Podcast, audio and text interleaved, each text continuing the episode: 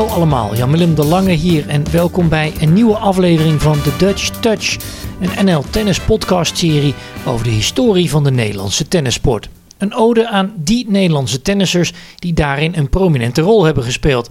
En allemaal zijn ze lid van de IC, de Internationale Lawn Tennis Club van Nederland. Een vereniging van internationals die voor hun land zijn uitgekomen. De IC telt zo'n 120 leden, waarvan 10 ereleden, zoals Richard Krajcek, Betty Steuven en Tom Okker. In deze aflevering spreekt Marcella Mesker met Stan Franke, voormalig captain van het Nederlands Davis Cup team in de tijd van de gouden generatie. Deze week speelt Nederland in en tegen Uruguay. En dat is precies 30 jaar na een legendarisch uitduel tegen Mexico, met Franker aan het roer. Een mooi moment om aan te kloppen bij de tenniscoach in Rusten. U hoort hem vanuit Suriname, zijn vaste uitvalsbasis, om te beginnen over zijn kennismaking met het fenomeen de Davis Cup. Nou, met de Davis Cup heb ik uh, kennis gemaakt via tijdschriften toen in, uh, in de Hopman-periode van Australië. En ja, ik verslond die, uh, het was World Tennis heette dat blad. En dat kreeg ik van mijn tennismentor, die was erop geabonneerd. Dus ja, het waren geen beelden, maar je moest je, je, je eigen fantasie gebruiken. Hè? Dus ik heb al die mensen later live ontmoet. Emerson, Stolle, you name it, lever. Een uh, belangrijk onderdeel van de Davis Cup is toch die cultuur. En toen jij werd aangesteld als directeur sportief bij de KNLTB... moest je volgens mij aan het bestuur zelfs uitleggen wat de Davis Cup inhield. Hoe heb je dat gedaan? Laten we stellen, je kon met Ruud de Boer toen goed praten. De voorzitter, hij, hij geloofde het wel. En ik vertelde hem wat voor uh, uh, uh, bindmateriaal de Davis Cup kan zijn. En hoe je tennis als product kan ontwikkelen door middel van de Davis Cup en de Federation Cup. Ja? En hij had daar, daar oor naar. En wij hebben, ik heb toen ook Tom Okker direct benaderd, die voor mij nog de Davis Cup captain was. Of hij als beste tennisser ooit in Nederland op die Davis Cup dagen, als ik hem uitnodigde, of hij bij ons wilde komen zitten. Ja? Om dus de cultuur te, ja, een, een, een gestalte te geven. En dat en, deed hij? Tom, ja, Tom was zo aardig. Hij ging zelfs mee op reis als we, als we daarom vroegen. Dus dat was fantastisch. En hij was, uh, wat dat betreft, een perfecte vent. Uh, beter zijn ze, hoe ouder, hoe beter ze zijn geweest. Maar Tom sprak helemaal niet over zijn verleden met die jongens. En hij had heel veel respect naar ze toe. Hij bekritiseerde ze niet. En het was een, een gouden greep om Tom erbij te hebben. En hij heeft ook nog gevoel voor humor ook. Dat is best wel leuk. Hoe kon je met de spelers de Davis Cup uitleggen? Het belang van de Davis Cup overbrengen? Uh, had je een strategie? Hoe heb je die naar de spelers gebracht? In mijn strategie waren de spelers individueel toch belangrijker dan de Davis Cup uiteindelijk. Want als, je, als, als zij zich niet ontwikkelen, dan krijg je nooit een team. En deze, en ja, ik heb wel in het beetje psychologie dat ik heb gestudeerd in Amerika, heb ik wel geleerd dat de grootste motivator is het eigen belang. Dus de jongens het eigen belang, op het eigen belang gewezen.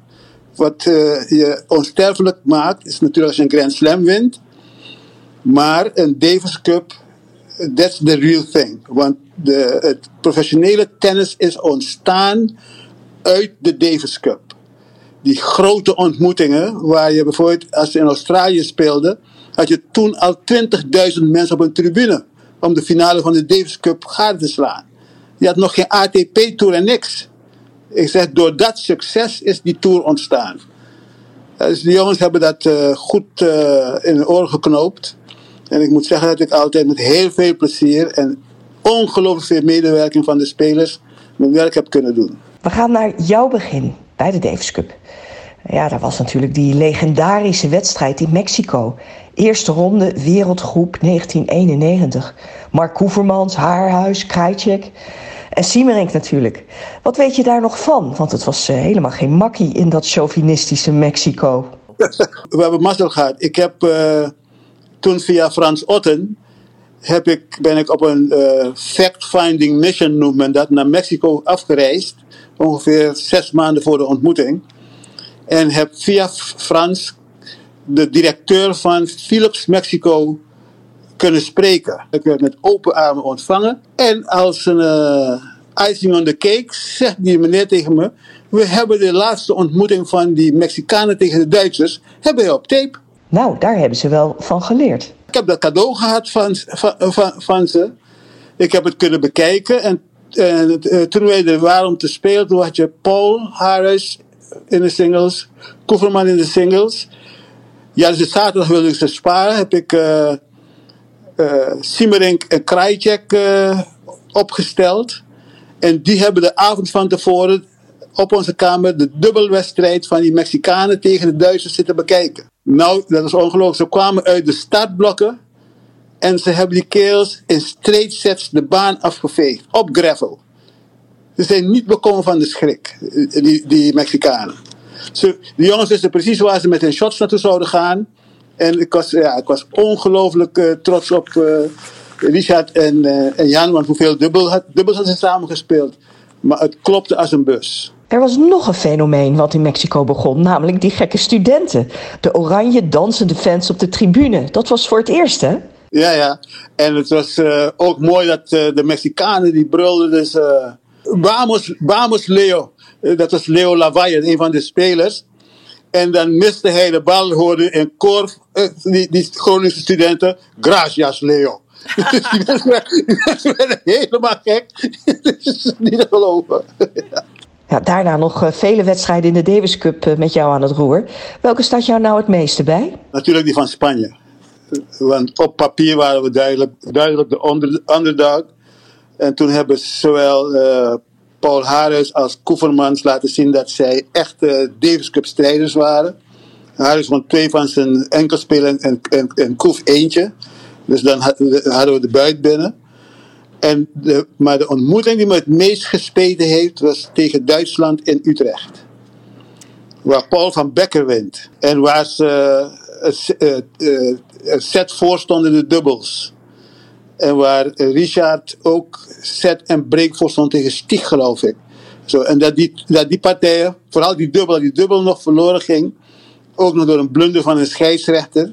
Op een zeer kritiek moment. Bal zeker 10 centimeter oud en de bal inkolde voor de Duitsers. Zij waren absoluut by far de sterkste met Stieg en Becker in het team. Ze hadden ook Olympisch goud gewoon in het hele dubbelspel. Konden mekaars bloed wel drinken, behalve als ze op de baan stonden en moesten dubbelen. Ja, dan, uh, dan werd de strijd bij even uh, begraven. En, tussen, en daar, in, daar in die partij stonden Paul en, en Jacco eigenlijk van ze te winnen. Ik ben er ongeveer drie maanden ziek van geweest. De Davis Cup formule is veranderd in 2019. Het wordt het WK tennis genoemd, geen best of five meer. Is dat, onover, is dat onoverkomelijk geweest, denk je? Of vind je het jammer voor de sport? Ik vind het ontzettend jammer voor de sport. En ik vind het ook ondankbaar naar de rol die Davis Cup heeft gespeeld in de wereldwijde ontwikkeling van het professionele tennis. Ik, uh, ja, ik begrijp wel dat er heel veel dingen zijn, maar je had andere zaken kunnen bedenken. Misschien sets van, sets van vier games of vijf games. Ja, een beetje creatiever zijn, maar wel vijf, vijf sets spelen. Maar dan kortere sets. Kijk, natuurlijk werd de gebed van de ende met die, uh, met, met die sets, die uh, ja, uh, tiebreaks. Als je vijf van die sets had, was je bijna anderhalve dag bezig één wedstrijd te spelen. Maar ik vind dat men te snel is overgegaan naar het halen, het uit en thuis eruit halen. Dus uiteindelijk kon je niet meer de Davis Cup gebruiken om, de, om tennis in je land populairder te maken en om de cultuur verder te ontwikkelen. En Want nu ga je ergens spelen en ja, ik heb het gezien met de Fed Cup, het heeft toen ook niet gewerkt in die tijd. Dat je een, een Fed Cup toernooi had en uh, geen thuispubliek en dergelijke. Nee, ik vind het niks. Gelukkig dat ik er niet niet meer bij ben. Ik had ontslag genomen. Je stopte in 1997. We zijn nu, als ik het goed heb, 24 jaar verder. Volg je het Nederlands tennis nog? En het Nederlands Davis Cup met name? Ja, ja, als ik het. Uh, het tijdsverschil is een beetje vervelend in Suriname. In die zin dat jullie vier uur voor zijn en in de uh, wintertijd is zelfs vijf uur.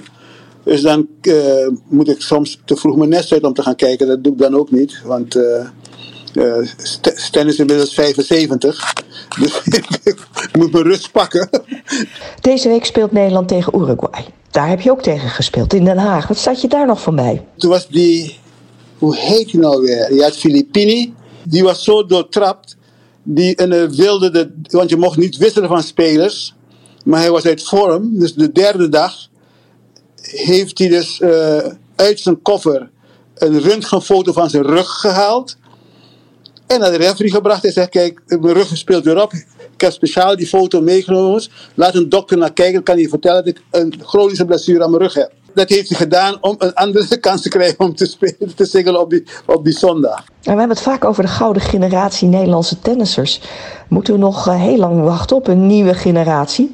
Zoals uh, uit jouw tijd? Je moet er niet op wachten, je moet er aan werken gewoon.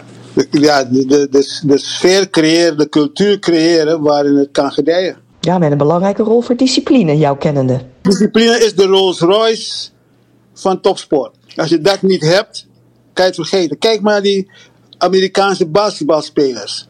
Dat je die mensen zo lang zo goed konden door blijven gaan. Ze zijn, sommigen zijn bijna biljonair. En toch laten ze zich nog elke dag pijnigen en trainen. En ja, het, het is gewoon zo dat je niets kan bereiken zonder discipline. Impossible, dat weet jij beter dan wie dan ook. Impossible.